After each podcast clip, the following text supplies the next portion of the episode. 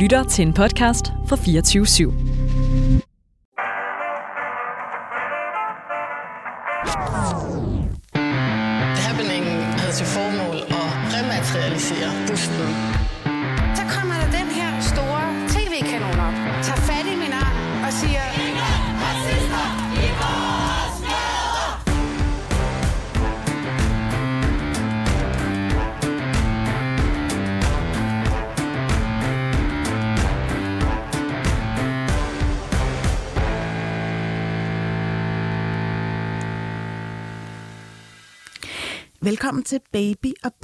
Danmarks eneste identitetspolitiske magasin.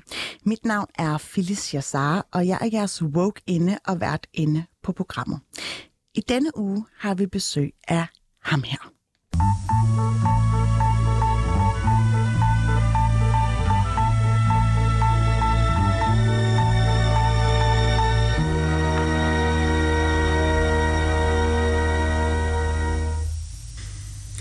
Over 30 kom til skade i går med nytårsfyrværkeri. Det er en halv gang så mange som i fjor, men næsten fem gange så mange som i forfjor, viser en opgørelse lavet af Trafikradioen. 27 fik øjnene skade, og næsten alle var unge mellem 10 og 16 år, der havde fået de såkaldte heksehyl i øjnene. Geo Mets, velkommen til dig. Jeg tror, jeg skal bruge ordet forfjord noget mere. Jeg har aldrig taget det i min mund. Du er måske det eneste journalistklenodie, vi har i, i dette kongerige i dag. Samfundsrevser på Dagbladet Information. Det kan man da godt sige, kan man ikke det? Du skal huske at tale i mikrofonen, bare lige, øh, så, så vi har det på plads. I dag er du en samfundsrevser på Dagbladet Information, hvor du har din ugenlige klumme Intermezzo. Den fungerer også som lydtæppet til netradioen, øh, som hedder Den Anden Radio, som du også står bag. Og så er du foredragsholder og forfatter til en bunke af bøger. Du er kulturradikal. Du har til med været chefredaktør på Dagbladet Information, den bitte pjosker, som man også kalder den. Du er forhåndværende formand for Danske Skønlitterære Forfattere, og så er du uddannet journalist. Du er 76 år gammel, så man kan vist roligt antage, at du er, hvad man kan kalde bedre vidne. Det vil jeg ikke på. Men det er klart, der hænger noget fast i årens Jamen, jeg sidder, er, det, er du tilfreds her? Prøv, prøv lige at snakke igen. Jeg synes, jeg sidder og jeg bliver ikke Ja. gildret af at kigge på den. Ja, undskyld, hvor var jeg retter den lige på dig, men det her med at være bedre vidne, ja, vil jo du- et- vil det er du jo et- det er jo et anfægte negat- det? Ja, det er jo et negativt øh, begreb, ikke? At være bedre viden, det er at, at føle, at man ved bedre end andre. Det gør jeg egentlig ikke. Men nogle gange ved man bedre end andre, øh, fordi der er ting, man har beskæftiget sig med. Og så kommer man til at vide noget bedre, og det skal man ikke skamme sig over.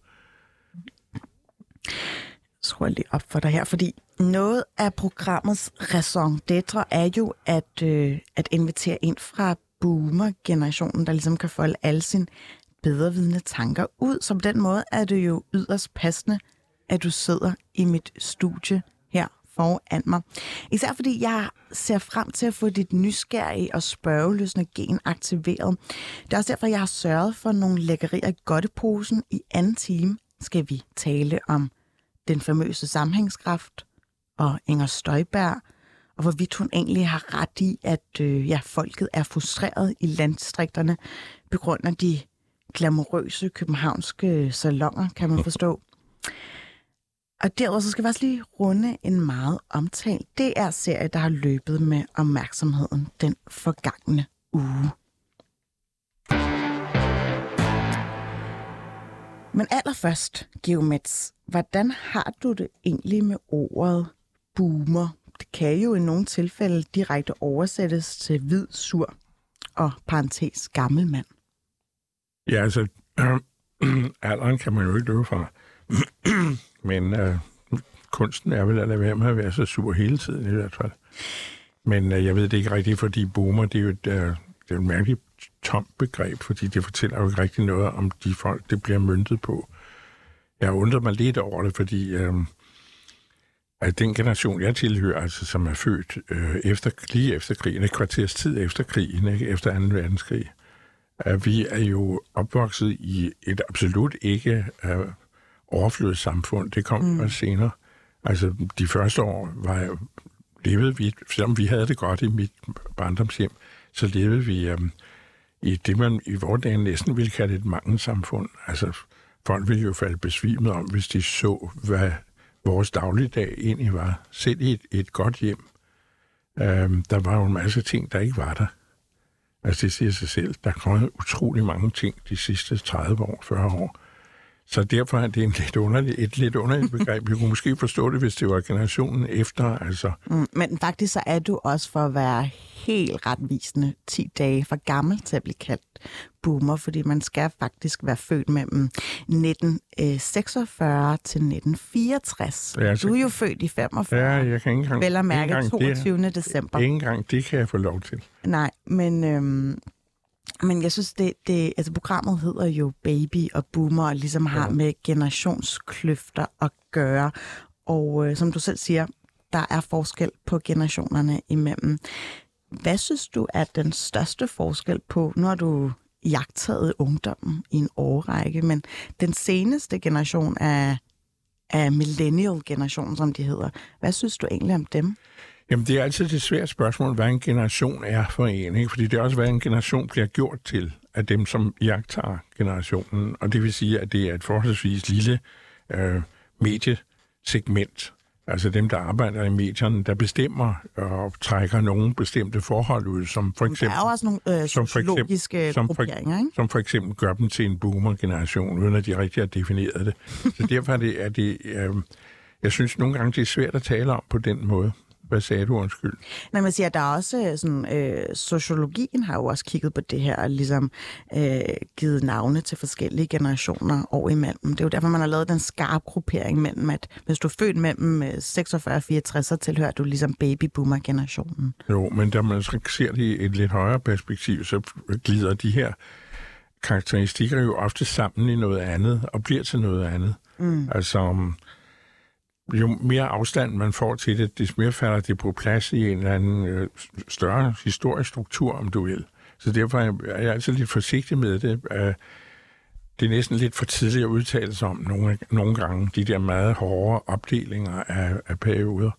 Øh, vi vil også for, ja, før februar i år, ville vi jo have kaldt det en fredsperiode, vi var inde i, ikke? En mm. opgangs- og fredsperiode, hvor alting gik strålende. Så pludselig fik... Øh, Vladimir Putin en fix idé, og så må vi revidere hele synet på hele den periode. Og vi må revidere synet på den, den, den politik, der blev ført over for, mm. for Rusland eksempelvis. Vi må også til at revidere synet på Amerikas og Amerikas rolle i verden. Hvis Amerika er på vej ud i et, uh, en borgerkrig, hvad nogen mener, så vil vi jo give et, må, så må vi jo give hele den periode et helt anden betegnelse. Så derfor er det noget, det er noget farligt noget at kaste sig ud i, men okay, så, så lad os da gøre det. Så jeg siger det bare, det med de forbehold. Med de forbehold, faktisk, så vil jeg jo meget gerne have, have dit syn på, på nogle bestemte ting, som vi skal snakke om i dag. Det er jo derfor, at du sidder i den varme stol. Men, men Geo, øhm, så du den her trio af statsministerkandidater, der debatterede i går? Ja, det gjorde jeg. Hvad synes du om det?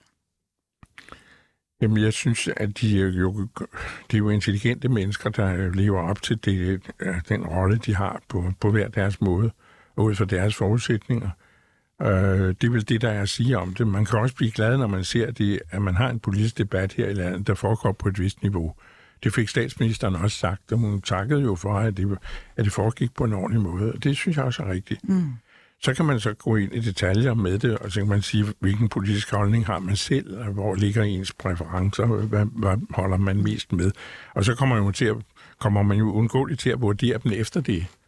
Uh, og så, så kommer det op på, på, på finvægten, om det så må sige. Mm. Altså den finvægt, jeg holdt øje med, det var jo, at man talte ualmindeligt meget om, øh, om de ældre. Man kom ind på selve Arne-pensionen, og hele den her hastigt voksende demografiske udvikling med flere ældre. Øh, hvorfor det også var vigtigt, at vi skal tale om, der, hvorvidt der er nok personale til at passe på de ældre, især når man ser, at sosuer løber hurtigere og hurtigere på plejehjemmene. Kan du forstå, Geo, at en masse unge mennesker samtidig godt kan føle, at, øhm, at der er den her generationsskævvridning, så det primært er din aldersfælder, som, som bliver til gode set? Nej, det har jeg aldrig kunne forstå, fordi man skal passe på ikke at opdele befolkningerne i øh, alderssegmenter. Altså kunne man også sige, øh, altså, i gamle dage kaldte man det, eller i gamle dage, for ikke så lang tid siden, kaldte man det ældrebyrden. Mm. Det man så holdt op med, den blev slidt op. Og der kunne man lige så godt kalde det babybyrden, fordi der er nogle år, hvor man er uproduktiv i begyndelsen af livet, og så er nogen af os, nogen bliver uproduktive i sidste ende af livet, og kan ikke måske klare sig selv. Men babyer kan heller ikke klare sig selv. Alligevel vil det være fuldstændig åndssvagt at kalde dem, øh, for at kalde dem en babybyrde. Mm. Og det vil også være med ældrebyrde, fordi de ældre har jo trods alt svaret skat i temmelig mange år og bidraget, som det så smukt hedder. Så det er en lidt underlig øh, måde. Og så man siger, jo, der er en pris at betale for, at øh, vi bliver ældre, som det hedder. Altså, at menneskene bliver ældre på grund af teknologien. Og så kan man sige, at jamen, nogle gange kan man sige, det, det, det er en høj pris, fordi øh, hvad er de der seneste, øh, sidste livsår værd? Det skal man jo selvfølgelig også se på, men det er en anden diskussion. Men altså, at man øh, øh, øh klart øh, kommer til at betale for, at man kommer til at leve længere, og i og med, at man lever længere, så bliver man også mere og mere affældig. Det gør man med årene. Mm. Jeg lagde mærke til, at Pernille Vermund var efterfølgende ude og ligesom kommentere på selve debatten. Og selvom jeg rigtig gerne ville have, have fikset det klip frem, så var der noget i forhold til rettigheder og så videre fra TV2 News. Men øh, jeg kan lige gengive, hvad hun sagde. Og hun sagde, hvor er det typisk Danmarks Radio at være så biased og vælge de her tre emner, som man diskuterede øh, for eksempel klimaet og så videre. Ifølge Pernille Vermund, så havde hun ønsket, at man havde snakket om udlændinge. Og så har jeg lyst til at spørge dig, Geo, som jo har brugt en årrække på at være inde i, i Statsradiofonien. Statsradio, det hed den ikke i nej, tid nej, mere. Ikke men, mere. Øh, I Danmarks Radio. Lad mig spørge dig, øh, har hun ret i, at øh, man kan godt være til tider lidt biased, når man arbejder inde i DR?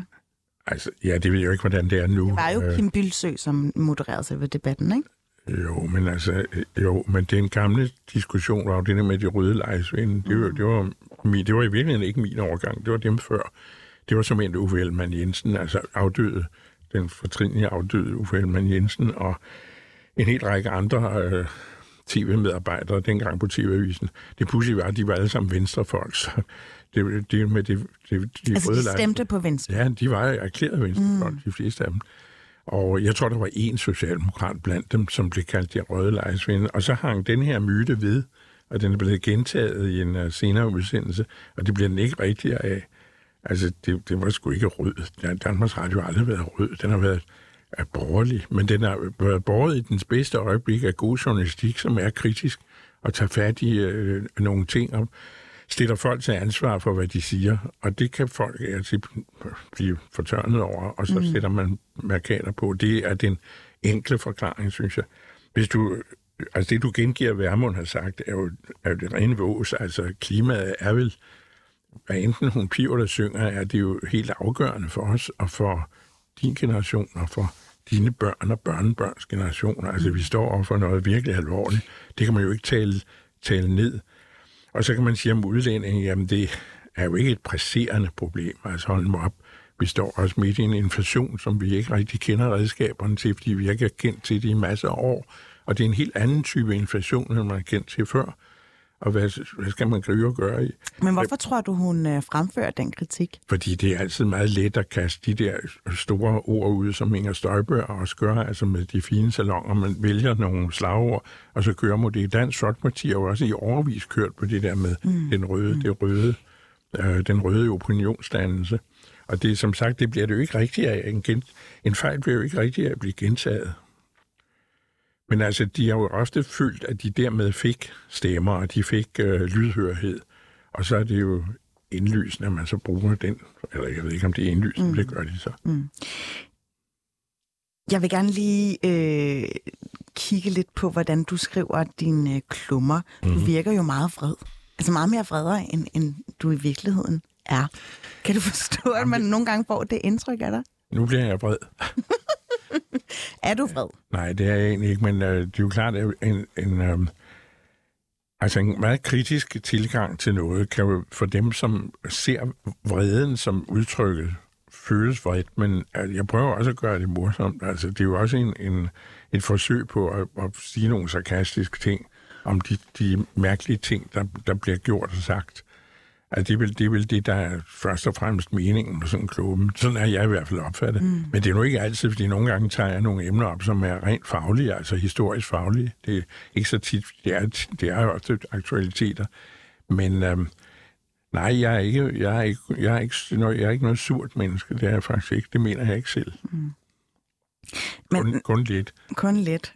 Jeg tænker bare, imellem. det her med at kvirulere eller brokke sig jo, ikke, som der også er, behøver jo ikke som sådan at klæbe sig til ens alder, men jeg kunne godt forestille sig, eller jeg kan i hvert fald godt forestille mig, at, øhm, at man bliver mere og mere bitter med årene, især hvis man ikke får ret.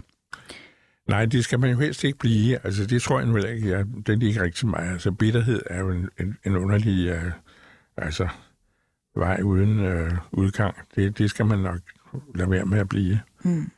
Uh, man kan jo ikke blive bitter på et, i et samfund, for at der er nogen, der mener noget andet og, og får... Men kommer det bag på dig, jeg har tænkt på, fordi at, at noget, øh, som er din yndlingsaversion, eller noget, som er gennemgående træk i selve din klummer, det er jo det gule Danmark, øh, hvordan det har været på fremmarch, og du har også nogle, nogle af dine bøger kredser lidt om det med Dansk Folkeparti, og du har medvirket en masse debatter, hvor du står i skærende kontrast til det, Pia Kærsgaard siger. Du har skrevet om, øh, om Danmarks demokraterne, og hvordan de får luft under vingerne. Kommer det bag på dig, at vi ser den politiske udvikling? Ja, i ordnet forstand gør det. Øh, der undrer mig, ligesom det undrer mig, at en mand som Trump får sådan en indflydelse i USA. Det undrer mig, fordi det er så indlysende forkert, det øh, han siger, og det er så indlysende forkert, det Inger Støjberg siger om øh, København kontra øh, provinsen. I hvert fald er præmissen forkert, og mm. det synes jeg er politikers opgave først og fremmest at være retvisende i det, de siger. Mm. Og det er jo der, kritikken tager sit udgangspunkt, så ligegyldigt hvem, der siger det sådan set. Men øh, når Dansk Folkeparti også har i alle de år pukket i den grad på det nationale, altså i virkeligheden det nationalistiske, er jeg også gået meget imod det, fordi jeg synes, derfra kommer mange af ulykkerne, og ikke mindst i det 20. århundredes historie. Og vi må ligesom, at det er jo det eneste, vi har, det er jo den erfaring, vi kan drage af historien, hvis vi kan drage nogen. Og nu vil sige, at vi fik nogle advarsler i det 20. århundrede om, hvor galt det kan gå, og jeg vil vildt sagt sige, at det gik ikke så godt. Og øhm, halvdelen af århundredet var defineret af krige med nationalistisk udgangspunkt, for nu er det sådan lidt slagagtigt. Ikke? Og derfor kan jeg jo undre mig over, at der er nogen, der fortsætter den linje, og som ikke indser, at det ikke er vejen frem, at vejen frem må være en eller anden form for international forståelse. Mm. Og det er Men, men med den her humanisme, som jeg kan læse mig frem til, eller som du i mange år også har stået på mål for, hvorfor tror du, at den har fået sådan lidt en tilbagegang? Jamen, det er jo fordi, der er agit- agiteret meget stærkt imod den, som om, at den, at, at den er imod nogle af de værdier, som man for eksempel nationalt lægger vægt på. Og det er jo ikke nødvendigvis rigtigt. Uh, Georg Brandes, uh, som jo sådan set den, der, jeg har ikke sagt opfandt det, som jeg har sagt, men det er ham, der stod for det moderne gennembrud, som også var humanismen mm. i, i Danmark. Og den moderne humanisme var jo samtidig et stærkt nationalt menneske. Så det er jo ofte forkert, det der bliver sagt om det. Messerschmidt har sagt bunker af vrøvl om det. Altså, og det kan man erkyndige sig ved, ved at studere det. Og det kan man jo altså gøre. Man skal jo helst studere noget, inden man udsætter sig alt for meget. Mm. Så Så det er det der med at det- være bedrevidende men- igen, der kommer i spil. Ja, men det er jo ikke bedrevidende, fordi der, kan man sige, der ved man bare noget bedre, eller ved man noget, ikke? Hvis man er bedrevidende, så er det fordi man... Altså, det synes jeg opfører sig forkert at være bedrevidende. Altså, det er det, jeg, har, jeg opponerer mod. Jeg opponerer ikke mod at vide noget bedre, fordi det ved man nogle gange bedre end andre. Andre ved nogle gange bedre end en selv, Ja. og så skal man lytte efter, ikke? Mm. Men når man kan sige, at det passer jo ikke, det du siger, min ven, men apropos det med humanisme, nu spurgte du om, at, om de tre statsministerkandidater, der var en ting, der slog mig, at den, der sådan set virker mest humanistisk på mig, uden at jeg dermed har sagt, hvem jeg holder med, det er sådan set Ellemann Jensen, øh, som i modsætning til Pape, som er alt det modsatte af det humanistiske tradition, så er Ellemann jo den, som er, er langt mere argumenterende. Øh, det er ikke sagt noget om statsministeren, fordi det er hun jo også, men altså, også med mange af de ting, Ellemann har sagt, øh, der, der, der aner man, der er en humanistisk baggrund.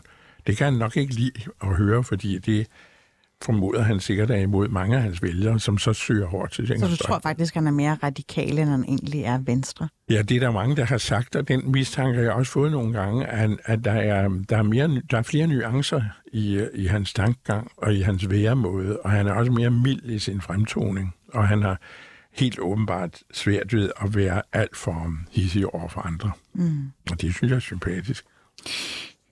Man kan sige, mange af de her identitetspolitiske strømninger og mærkesærkampe, som fylder en del i medierne nu om dagen, er det forkert at sige, at de står på skuldrene af kulturradikalismen? Altså, øhm, du mener kritikken? Nej, men altså, jeg tænker ikke kun på kritikken, jeg tænker på, at dem, der ligesom står sig på frontlinjen af at ligesom agitere for bredere repræsentation, eller øh, et ønske om at, at øh, en, en mere færre forståelse af kønsidentiteter og, og seksuelle minoriteter osv. Altså alle dem øh, racialiserede spørgsmål osv.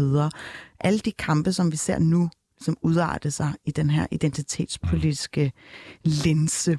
Synes du, at de har rod i, øh, i kulturradikalismen? Ja, der er der ingen tvivl om, at det udspringer af radikalismen og kulturradikalismen. Altså den mest kritiske ende af det, kan du kalde kulturradikalismen. Nu kaldte du mig før mig for kulturradikal. Hvad er det forkert? Altså, nej, jeg bliver helt rød i hovedet, fordi det, er, det er alt for pænt sagt om mig. Altså, jeg har også, der, nu holdt dig fast i bordet nu, når jeg siger, jeg er også alt for ung til det. Altså, de kulturradikale ligger før mig. Øhm, jeg blev engang hørt, engang hørt radio, og så var det de to præster. Der var en af præsterne i... Øhm, nej, det var en, jeg kan ikke huske, hvem det var en af de der to præster i Dansk Folkeparti. De er begge to døde nu. Og nu, jeg tror, det var Langballe, der så bliver spurgt om, om kulturradikalismen. Så bliver han spurgt af journalisten, jamen hvem er det egentlig, der er kulturradikal? Ja, det er jo for eksempel Geomet, han er nummer et, så, og jeg var ved at falde ned af stolen, øh, da jeg sad derhjemme og hørte det, jeg tænkte, det var, det var lige godt. Og så, så spurgte intervieweren, hvad så med Claus Riffbjerg? Så, så blev der en lang pause, så sagde Langbaum, ja, han er i særklasse. Og det ringede jeg så til, dengang vi kaldte ham Store Claus, og sagde, mm. du, du er kun i særklasse. Så blev han sur. og, det, og jeg synes, det var helt vanvittigt, fordi øh, altså, når jeg fortæller det, er, jo, er det jo mere for, på grund af det groteske i det, også det er historisk i det. Mm. Fordi kulturradikalismen ligger før, og end ikke Rifbjerg kunne rigtig sige at være kulturradikal. Nej. Han var sgu også... Hvem er rigtig kulturradikal? Ja, det var, dem, der, det var faktisk dem, der opererede i... Um, altså som deltog i debatten og foretog sig ting og sager i altså verdenskrigene, første og anden verdenskrig, mest hen i 40'erne. Og så i efterkrigsårene i 50'ernes begyndelse, der kan du tale om det, der blomstrer kulturradikalismen. Men den blomstrede også i 68 oprøret, Nej, det gjorde Nå. den ikke. De var faktisk imod kulturradikalismen. Det kom de, jeg er uvenner med nogen af mine samtidige om, for okay. jeg, jeg hører jo til 68-generationen, den yeah. yngste del af 68-generationen. Og der, øh, ville, der var der mange af 68-folkene, der gjorde op med kulturradikalismen. Mm. Og som altså mente, at den var alt for klassebestemt. Så det, det er igen et, et mærkeligt begreb, som man kan sige, at den, den har haft betydning for en, en stor del af tankegangen, og det er den, der ligger under for, øh, ligger, altså bliver meget kritiseret i debatten, men øh, den har også det forkerte adresse. Mm.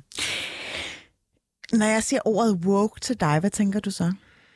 Jamen, jeg tænker egentlig venligt på det, fordi det er jo en forestilling om, at man skal være øh, opmærksom på, at der er mindretals- og mindretalsrettigheder og at man skal um, være varsom med det og gøre en indsats for, at de folk får de rettigheder, de har øh, mm. fortjent, og de har ret til at have. Så derfor ser jeg med venlighed på det, og jeg ser også med venlighed på det, fordi jeg kan se, hvor, hvordan det er blevet et modeskilsord i vis krise. Og det, det er der, jeg altså bliver mistænksom, når de, øh, når, det er de folk, der tager det op, og nu ligger det for had, mm. så har det nok en, en, en betydning. Så ved du, hvad for en rustning du skal i hvert fald tage på. Ja, så jeg, jeg er lidt forberedt på det. Ja. Så kan man jo sige, at det skal man jo altid være. Altså, man skal være nuanceret og sige, der er jo også folk, der er utålige, der er woke, altså som helt ikke kan holde deres kæft. Altså, de skal sige noget hele tiden. Hvem er det? Jamen, det vil jeg nødt til at sætte navn på, men det kan du bare se i, uh, i, i medierne, og ikke mindst i sociale medier. Uh, og det, ej, det, jeg synes ikke, man skal sætte navn på det, men uh, det synes jeg, man har en fornemmelse af en gang imellem, hvor man siger, det der behøvede du ikke holde munden. Ikke? Mm. Uh, nogle gange er tavshed jo også glimrende.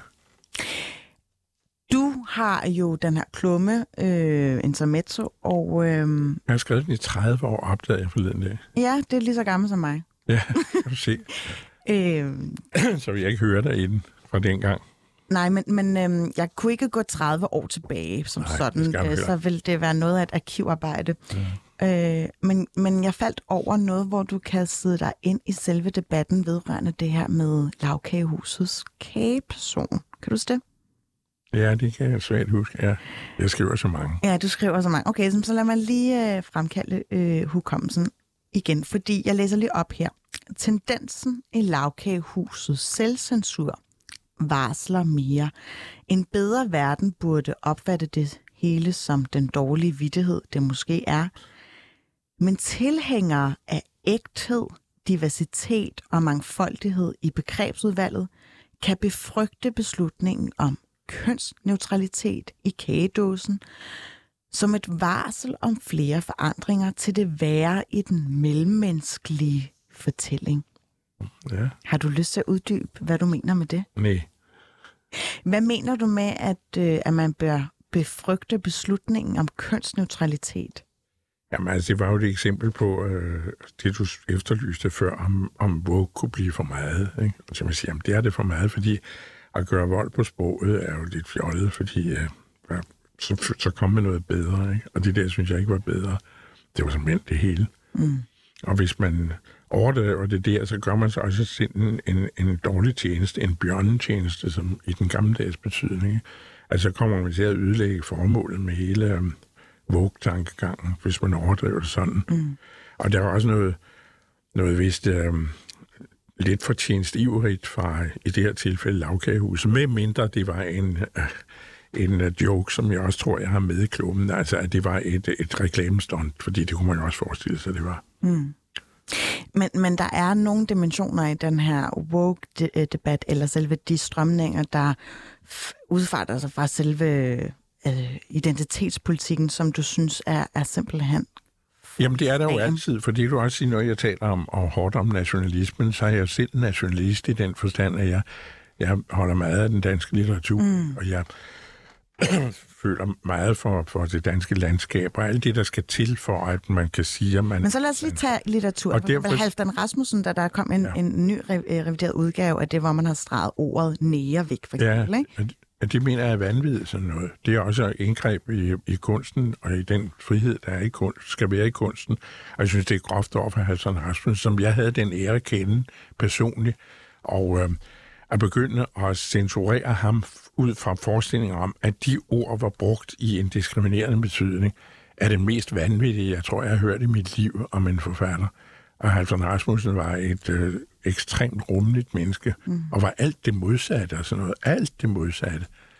Så det var ahistorisk, hvis du. Ja, det mener jeg var ualmindelig åndssvagt og en forkert måde at tage hensyn. Og der, der er det, at Vogue går, øh, der er det, Vogue bliver overdrevet. Ligesom vel, som når Dansk Folkeparti øh, svinger Dannenbro i tid og utid, så er nationalismen overdrevet. Det er, overdrivet, det er i overdrivelsen, pinligheden og ubehaget ligger. Og det er også der, ekskursionen ligger. Der udelukker man øh, visse personer og fænomener, som man havde bedre af at, at Men bliver man ikke samtidig nødt til at være lidt rabiat i tonen for Jo. at sætte skub i, i de små jo, forandringer? Jo, det tror jeg også. Og det tror jeg, du har ret i, at, at der er kampe, der skal tages, og der må man bruge de øh, udtryk. Det er, jo, det er jo, om man skal må sige, eftersnakkerne. Øh, man kan også sige, at dem, som er, går stærkt op i nationalismen, er jo eftersnakkere af en, af en meget tidligere bevægelse, som, som havde sin rimelighed. Mm. Og det, det har du helt ret i, også med feminismen.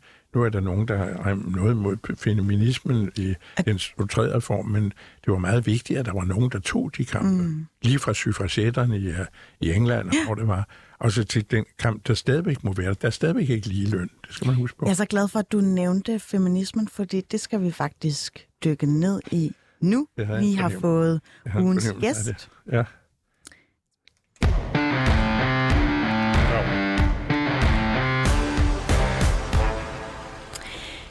Ja, velkommen til dig, øh, E. Katarina Krarup, udover at være ugens gæst.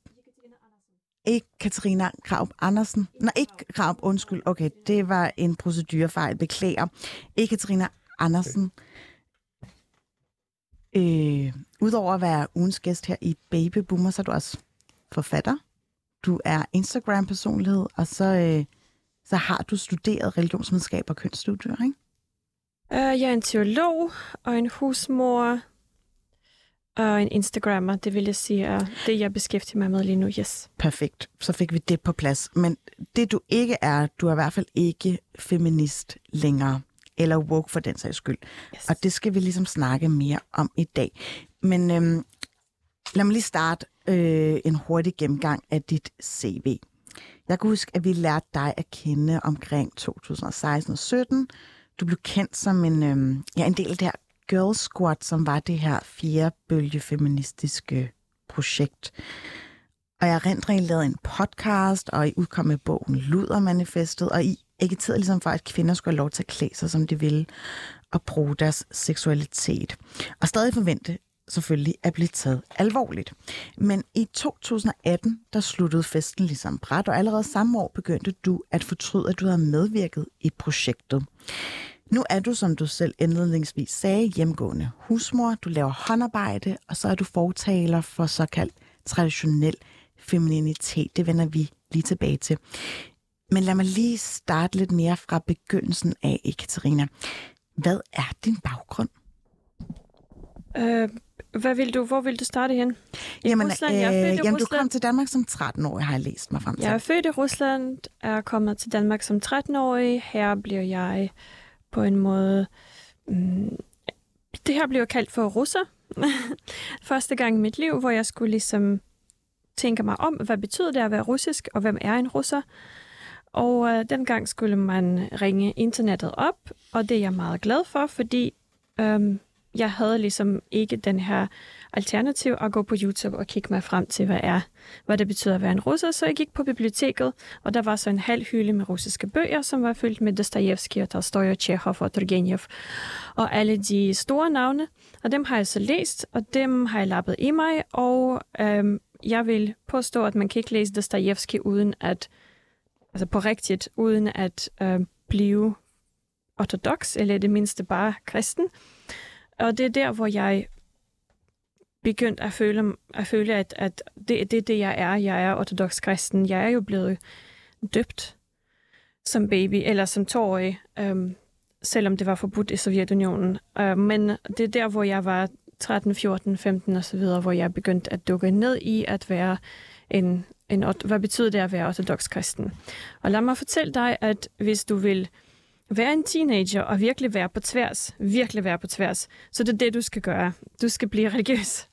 Um, fordi der er mange teenager, som tror, at de er på trods, når de farver hår blåt, eller når de bliver punk, eller når de bliver på alt mulige måder alternativ, men der står de på en eller anden måde stadigvæk i grupper. Uh, og det var jeg ikke. Jeg var uh, aldeles alene siden da. Så har jeg så er jeg blevet gift som 18-årig, jeg fødte mit første barn som 19-årig.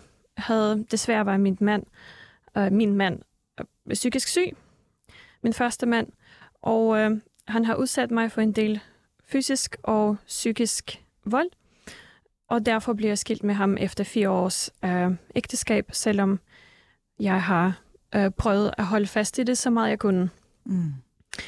Og der uh, flyttede jeg tilbage til Danmark, fordi det er der, hvor jeg, øh, i mit ægteskab, der flyttede jeg jo til Rusland. Flyttede jeg tilbage til Danmark. Um, ret hurtigt har jeg fundet mit andet mand, min anden mand, og vi blev gift otte måneder senere. Um, og det er det ægteskab, mm. jeg er stadigvæk i. Vi har været gift i 12 år. Og det er her, hvor jeg begynder at gå i oprør mod mig selv på en eller anden måde, hvor jeg synes, at hvis, um, hvis jeg skal når folk har været ude for en form for trauma, hvilket jeg, jeg synes, jeg har været det, selvom jeg har ikke, jeg er ikke blevet øh, konstateret det eller noget.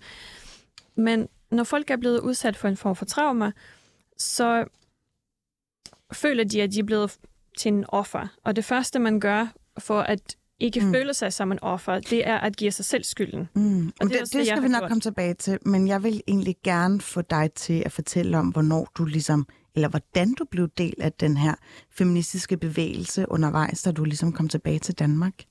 Går ud fra.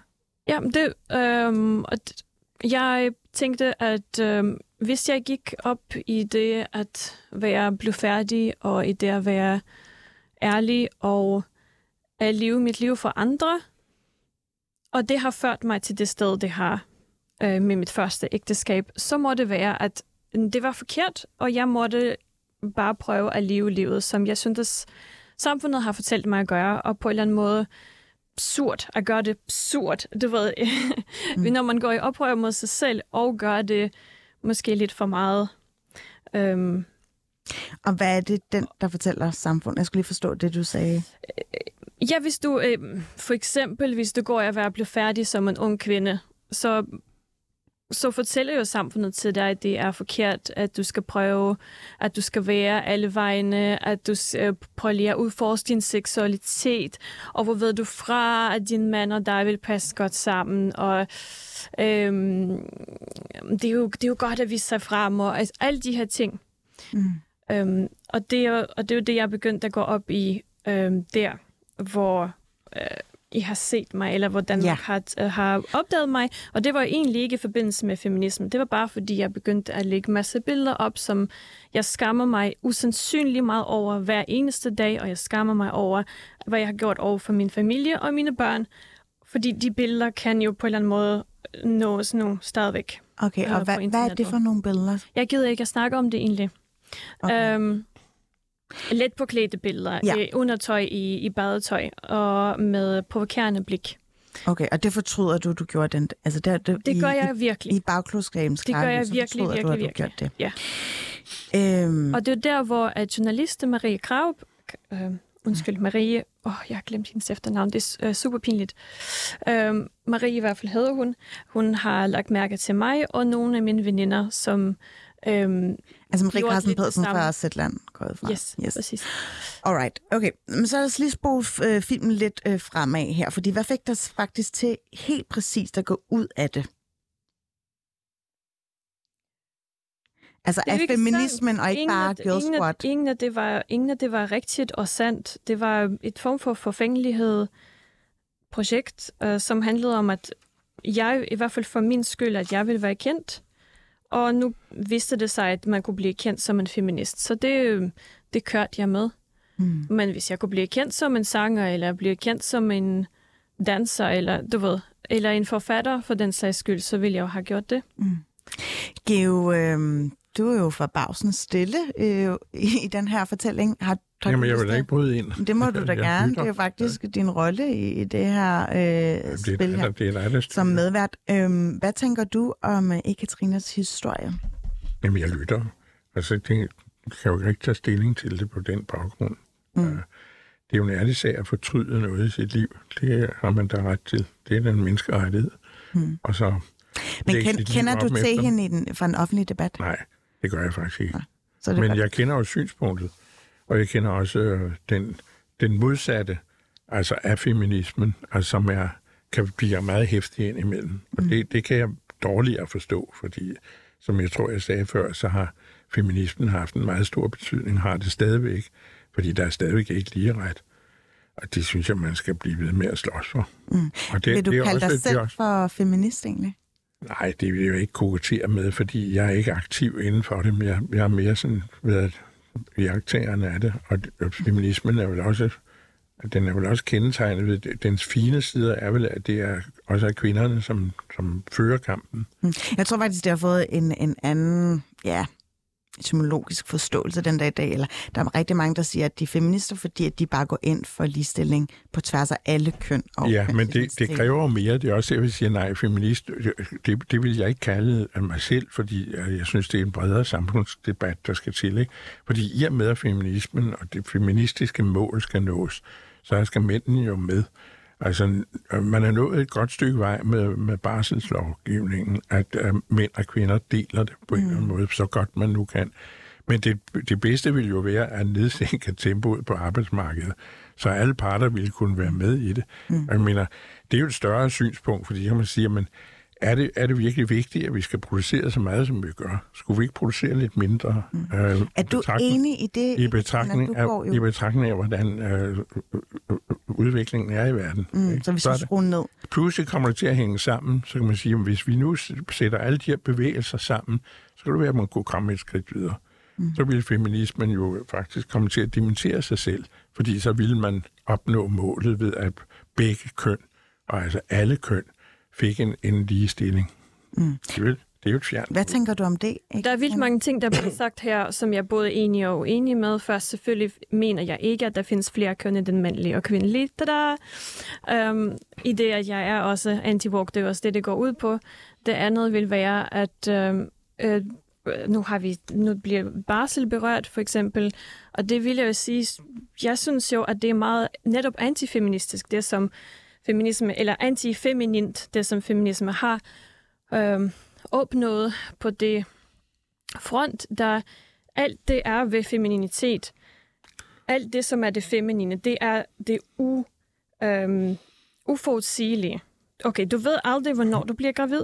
Du ved aldrig, hvor lang din graviditet vil være. Ah, Du ved... Ej, det er rigtigt. Du ved godt, hvornår du formentlig bliver... Nej, du ved ikke... Nej, du har lyst til at blive gravid, men du kan ikke rigtig planlægge det. Du kan ikke sige, nej, men i december, det bliver jeg gravid. Måske bliver du gravid der, måske går det et år, inden du bliver gravid. Prøv lige at følge med. Det andet er, hvis du, har en gravid, hvis du er blevet gravid, så ved du ikke, om det var de 40 uger, de 42 uger eller de 20 uger. Du ved ikke, hvorvidt din graviditet vil være let, og du kan blive på arbejdsmarkedet lige inden den Så der er en planlagte masse barsel. uforudsigelige parametre, der Udover det, når du får barnet, så ved du aldrig, hvilket behov det barn kommer til at have. Måske er det en autistisk barn. Måske er det bare et barn, som er needy, som vil være sammen med mor, til barnet er for eksempel tre år gammel. Og alle de her ting tager man ikke i betragtning med, i det, især med det nye barselsårlov, hvor at øh, barnet presses væk fra mor og, og ind i øh, til faren, og hvor man ikke kan vælge at gøre det fleksibelt.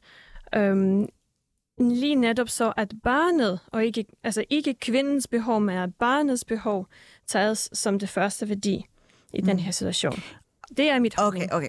Øhm, jeg vil bare lige holde fokus på, på det, vi ligesom også skal snakke om her i min anden runde, fordi du har jo skrevet en kronik i, øh, ja, i den avis, som øh, Geomets også skriver for for et par uger siden, og øh, der skrev du med den her rubrik, håndarbejdet er min billet til drømmelivet som hjemgående mor. Og du skriver en videre, at kreere forklæder er et samfundsfilosofisk forandringsprojekt for mig. Efter corona stod det klart for mig, at tid er den dyrebarste ressource, vi har, og den vil jeg bruge med min familie. Og er det faldet nogen for brystet, at du har skrevet det her? Hvad mener du? Altså er der nogen, som øh, for eksempel du har, øh, jeg ved, at du på Instagram i juli skrev, medierne er endelig ved at opdage, hvad jeg har forudset i noget tid. Mm. Kvinder, der vender sig mod noget, der, har, der bredt kan betegnes som traditionel feminitet. Mm. Det her traditionel feminitet, nogen vil kalde det for trad wife. Mm. Øhm, jeg vil gerne lige få det til at fortælle lidt, hvad dækker det over? Altså, jeg tror, jeg tror, at der er, jeg er en del af den form for bølge eller samfundsforandring eller zeitgeist, man kan sige, så vil jeg egentlig ikke sige, hvad det, hvad det er og hvad det betyder, fordi jeg tror, det er rigtig mange ting. For, altså for mange mennesker, ligesom når vi snakker feminisme, så kan jeg jo se virkelig mange, virkelig mange Men hvad er det for dig? Øh, for mig handler det et liv, hvor min karriere ikke er i fokus, men derimod, hvor familieskabelse og familie er i fokus fra, fra starten Mm. og til enden. At, øh, at planere et form for uddannelse, arbejdsliv, virke, som gør, at jeg har masser af fleksibel tid til at være sammen med børnene, mens de er små og har behov for mig at jeg kan altid komme til arbejde og fra arbejde. Det betyder samtidig, at jeg heller ikke har en alt for stor ansvar over for samfundet, fordi at jeg er en form for direktør, kan jo heller ikke øhm, være gravid en, en million gange øhm, og være hjemme og, og arme de børn, som har brug for det, så meget som de har brug for det. Mm. Jamen, det der, der er kværdigt standpunkt, jeg vil sige, jeg er glad for, at det ikke er det eneste. At der også er det modsatte standpunkt. Og det er der jo. Altså, Hvad tænker du særskilt på? Ja, altså der er jo også øh, temmelig mange, som opfatter øh, familielivet som noget, der skal integreres i et, et, et større, en større sammenhæng. At det ikke er familielivet, der nødvendigvis hele tiden er mål i sig selv. Mm. At det nogle gange er det, men ikke altid. Altså, det, det, er jo det, det, der... Jeg vil bare sige, at det er jo enig med, med dig i, at det, sådan er det jo ikke for alle mennesker eller alle kvinder. Jeg siger heller ikke, ikke, at sådan skal det være for alle kvinder. Nej, det er godt. Men så sagde du, at der var to køn, og så kom du med en lille melodi. Det var meget pikant. La la la, sagde du, som om, at du helst ikke ville ind på det igen, eller hvad?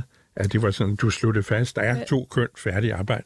Det synes jeg også kun, der er, men heldigvis er der jo nogen, der synes noget andet. Det er nemlig dem, der øh, synes, de er af andre køn end de køn, som vi tre repræsenterer på hver vores måde. Ikke?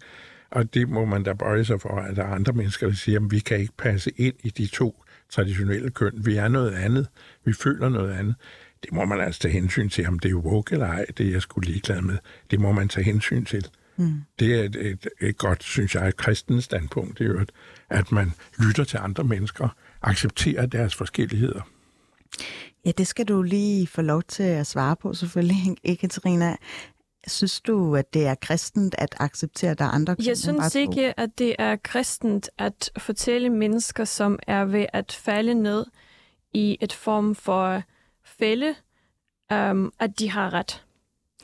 Øh, Jeg synes, det er kristen at fortælle mennesker, at man elsker dem og ønsker dem det bedste, men at man mener ikke, at de er på den rette vej hen. Mm, mm. Det, synes, det synes jeg er kristen, og det er, i, hvis man har læst evangeliet, um, hvilket de færreste mennesker, som snakker om kristendom i dag, har, så tror jeg, man vil være rimelig enig med mig. Hvor tænker du på? Hvad tænker du på i evangeliet her, helt præcist?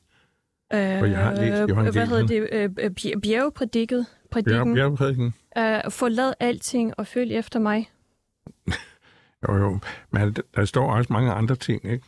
Der står, Han tager- tolerance, han tager- tolerance står ingen steder i evangeliet. Nej, men han udøver tolerance ved for eksempel at, at, at tage tolleren til sig, øh, lade og luderen... sige hvad? Og sige hvad?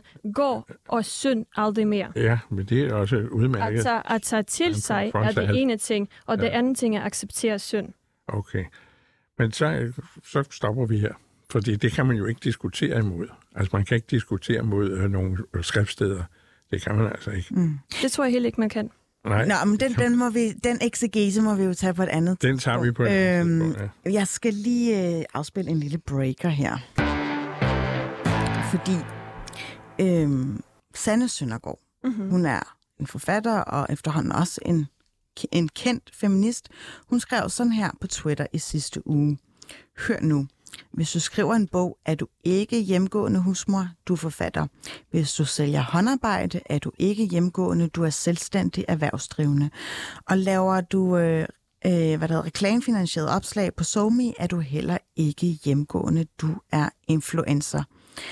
Øhm, og ikke alting ting er henvendt til dig øvrigt, men, men øhm, synes du, hun har en pointe? Uh, nej, fordi uh, det er sjovt, fordi jeg har nu fået en hel buket af forskellige svar på min, uh, på min artikel, og jeg kan godt lide, at det har skabt debat, uh, fordi uh, det er sjovt, at den første svar har netop været fra en marxistisk feminist, som sagde, at øh, prøv lige at høre, det er noget, du ikke forstår. Du vil være en privilegeret kvinde, som sidder derhjemme og gør intet, samtidig med, at kvinden i alle tider, mens hun har været derhjemme og passet ligesom bondegården, har hun jo udført masse arbejde, inklusiv øh, eller noget med at lave ost og sælge det. Jeg har jo netop skrevet, at kvinder har lavet en masse håndarbejde i, i, i, i, i gamle dage, øh, i det feudale tid, øhm, som de så kunne sælge. Det har i hvert fald mine forforældre gjort. Mm. De kvinder i min familie har vævet stoffer og har broderet øhm, Synes du, den Diverse tid stykker er for billedlig? det, øhm, jeg synes, at feminisme har i, er kommet i vores liv i forbindelse med industrialisering. Og masser af de mål, som feminisme har prøvet at opnå, egentlig har været mål af industrialiseringen. Ergo at opnå så mange mennesker på arbejdsmarkedet som muligt, at have så meget arbejdskraft som muligt. Alle de ting, vi snakker som feministiske formål, indtil videre i den store debat, uh, handler for det meste egentlig om at, fri kvinden fra det kvindelige og gøre hende til en mand, mere eller mindre, i den overførte betydning, så at hun er pålidelig, at hun er ikke cyklisk, at hun øh, kan have sex uden at blive gravid, at hun øh, har meget få børn, at de børn separeres fra hende så hurtigt som muligt, og at hun skal på arbejde og arbejde, arbejde, arbejde. Mm. Det har i øvrigt, det er også i øvrigt blevet skrevet øh, i en anden øh, henvendelse til min artikel, at øh, vi kvinder skylder jo samfundet øh, Øh, at gå øh, og arbejde øh, på fuld tid, hvis vi har fået en videregående uddannelse. Og her synes jeg også er spændende, fordi feminisme forespørger jo i andre debatter. For eksempel i den debat, hvor at øh, man henvender og siger, at vi kvinder skylder jo samfundet at føde to børn hver. Det er ikke mig, der siger det, men øh, det har vi jo haft i, i debatten øh, for at erstatte os, os selv med nogle andre øh, skattebetalere. Um, og det er der, hvor de samme kvinder vil jo have sagt, at kvinder skylder jer ikke noget. Mm. Men samtidig, når en kvinde så siger, at jeg har lyst til at uh, bruge 10 eller 20 år af mit liv på netop Øh, så kort opsummeret, så mener du, der er en vis øh, ja, dobbeltstandard? Der er dobbeltstandard i alle ting. My body, my choice. Igen, der er ikke noget, der er ikke noget mm. Øh, mm. Øh, choice der. Der skal være plads til forskellighed. Mm. Der er ikke plads til forskellighed her. Der er aldrig... Hvor ser du helt konkret, at, at kvinder øh, mm. skal opføre sig som mænd? Uh, jeg, har lige, jeg har lige nævnt alle de her ting. Uh, Jamen helt kvinde, konkret. Kvinde, altså. Helt konkret. En kvinde med sin velfungerende organisme, selvom hvis hun ikke er øh, fertil, er ikke en pålidelig maskine, som arbejder som en mekanisk øh, ur, ligesom mænd er. Mm. Mænds kommunale cyklus er går dag, dagligt.